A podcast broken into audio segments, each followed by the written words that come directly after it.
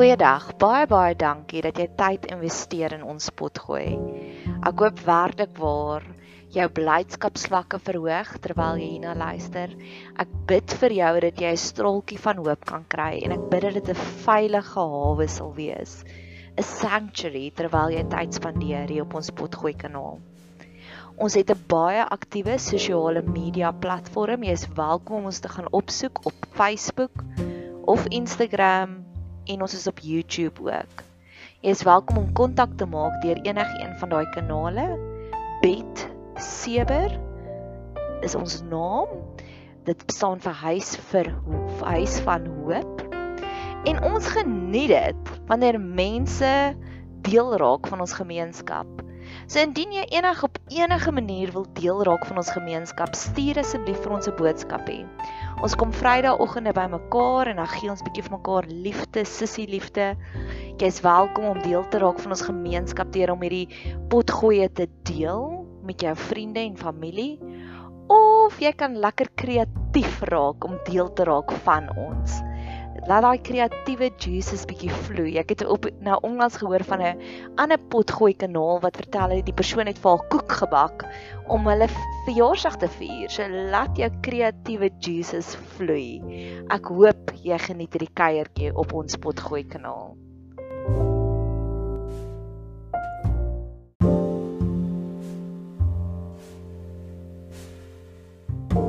Beloftes vanuit Jesaja. Jesaja 57 vers 14. So hier wil ek net dankbaarheid betoon. Ek is dankbaar vir die Here wat my nou 'n bietjie geslow down het. So ek maak een pot gooi en dan laai ek hom eers op en ek drink 'n paar slukkies koffie en ek strek strek bietjie my bene en dan kom die idees net so so letterlik my grootste twis is om baie keer dit te sê ek wil nooit geforseer wees om iets te sê nie. Ek wil hê dit moet kom by daai Jeremia oomblik van dit vat meer energie om dit in te hou. Having something to say, dis wat ek eerder wil hê of having to say something.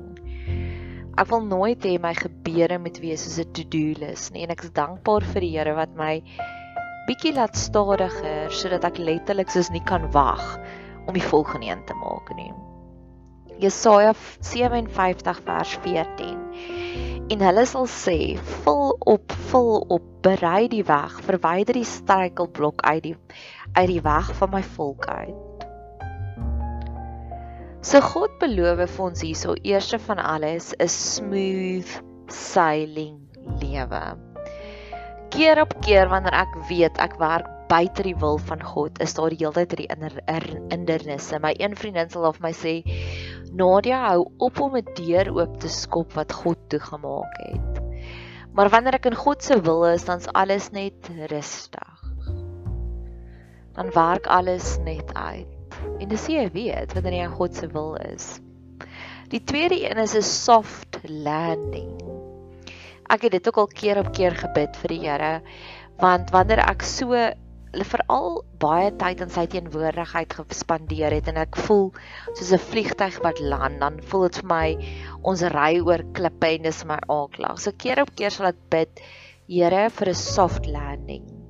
Wanneer ek teruggekom het van 'n vakansie af sal ek ook bid Here gee vir my 'n soft landing want ek besef nou ek is besig om 'n hele paar in God se teenwoordigheid te spandeer. So wanneer ek weer met vriendinne kuier, dit weer 'n soft landing is. Mag jy dit keer op keer vir jouself bid of baie kere wanneer jy deur 'n groot funksie was. Hierdie gebed het ek geleer, ek was 'n event manager. So ek sal al die energie inbou in die event in. En dan as die event vir klaar is, dan kry ek letterlik the blues. Nee, as ek dis, o, oh, dis nou alles verby. En so het ek geleer om te bid vir 'n soft landing. En dis wat hierdie gebed vir ons sê verwyder asseblief al die struikelblokke van ons lewe af. Mense kan ook 'n struikelblok wees. Waar ek al keer op keer gesien het die baba wat die hardste huil kry die meeste melk. En dan wat gaan gebeur is hulle is 'n distraction, a beautiful distraction.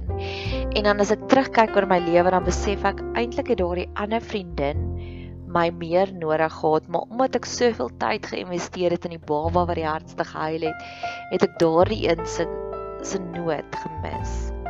So ek wil ook sê Here, verwyder asseblief al die struikelblok mense in ons lewe. Maar mense kan ook aanwysers wees.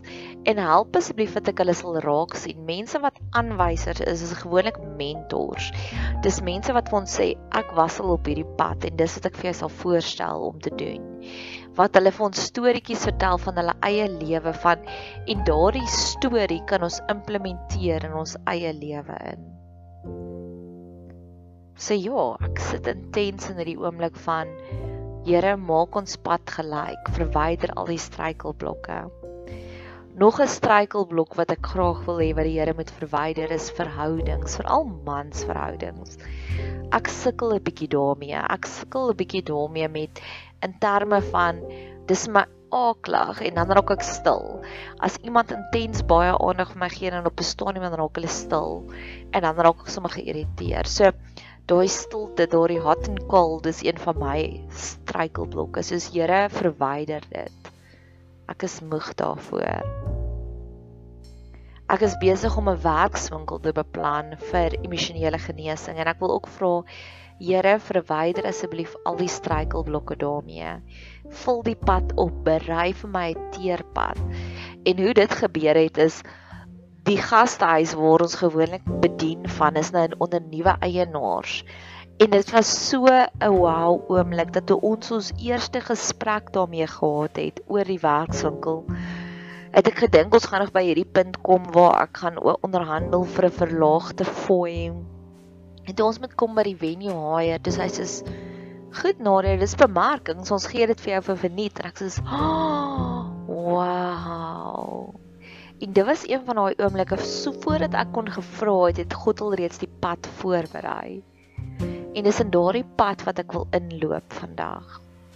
Wanneer God die pad voorberei het, voel dit soos goue lokkies se pap. Dis nie te warm nie, dis nie te koud nie, dis net reg. Dis nie te styf nie, dis nie te slap nie, dis net reg. En ek wil daardie goue lokkies se pap oomblik hê en elke aspek van my lewe. En die laaste storie wat ek vir jou het van God wat die pad voorberei, is selfs met Netflix, selfs met series. Jy sal hoor as jy nou baie lank na my luister, ek verwys baie na films en voordat ek ontspan, dan sal ek ook bid, Here, bedien met my hiermee. So selfs met ons ontspanning, want baie keer kan jy Netflix kyk en ek het al keer op keer my vingers daarmee verbrand, soos met handmade styles waar daar soveel goed is wat jy so ontstel, dit ontstel my siel. Ek bebid selfs my ontspanning dat dit selfs dit sal geseënd wees. En dis die tipe van verhouding wat God met ons wil hê. Hy sê ons moet hom lief hê, pens en potjies. Ons moet ons om lief hê met ons hele hart, met ons hele verstand en met al ons krag. Want dis die tipe verhouding wat hy met ons wil hê. Alles wil hy seën. Jesaja 57 vers 15. Want so sê die hoë en verhewene wat in die ewigheid woon. Heilig is sy naam. Ek woon in die hoogte en in die heilige plek en by die verbryselde en nederig van gees om te laat herlewe die gees van die nederiges en te laat herlewe die hart van die verbryseldes. So ek wil eers van alles stil staan by God wat sê hy's die hoë en die verhewene wat in die ewigheid woon. Ek wil graag hê dat God daardie gedeelte van sy beeld met inwerk in my gedagtes in want ons is in sy beeld geskep. So ek wil ook so ek het gister gepraat van om met 'n drone te vlieg oor ons situasie en die groter prentjie te sien. Om nie net te sien wat hier voor ons is nie, ek wil die groter prentjie sien. En ek het 'n storie daarvan. 'n Paar jaar terug, 2 nee, 'n jaar terug, het ek hierdie verskriklike geseënde oomblik gehad. Dit was geseënd van begin tot einde. My een vriendin wat 'n baie stil en 'n sagte gees is, het het ons vir lank aan haar gewerk om vir te sê dit was haar groot 50ste verjaarsdag ons wil jou bederf. Jy is die moeite werd. Mag ons vir jou verjaarsdagpartytjie gee. En op die ouende het sy ingestem en ons elkeen ons was drie vriendinne het 'n funksie gehad. So die een was decor. Kan nie die ander enetjie was administratief en ek was catering. So ek moes net gery en die platters gaan optel het by die plekke. En sy wou frozen yogurt cupcakes gehad het. So daar's net een plek hier in Pretoria wat dit doen. So ek het geweet dit sal my uur se reistyd gevat het om so toe te gaan en 'n uur terug. En ek gebruik my tyd baie konstruktief. So daar was 'n paar oproepe wat ek wou gemaak het op pad soontoe en op pad terug. Maar as my beloning het ek vir myself gesê jy mag vir jouself een frozen yogurt ysie koop om op pad terug te eet en ek het my frozen yogurt ysie gekoop. Ek het my gesprek gevoer, maar op die oomblik toe ek daar gestop het, was ons op 'n baie emosionele punt en ek het vir die persoon gesê ek is op 'n tydskedule, so ek gaan vinnig in hardloop. Ek bel jou sodra ek weer terug is in die motor.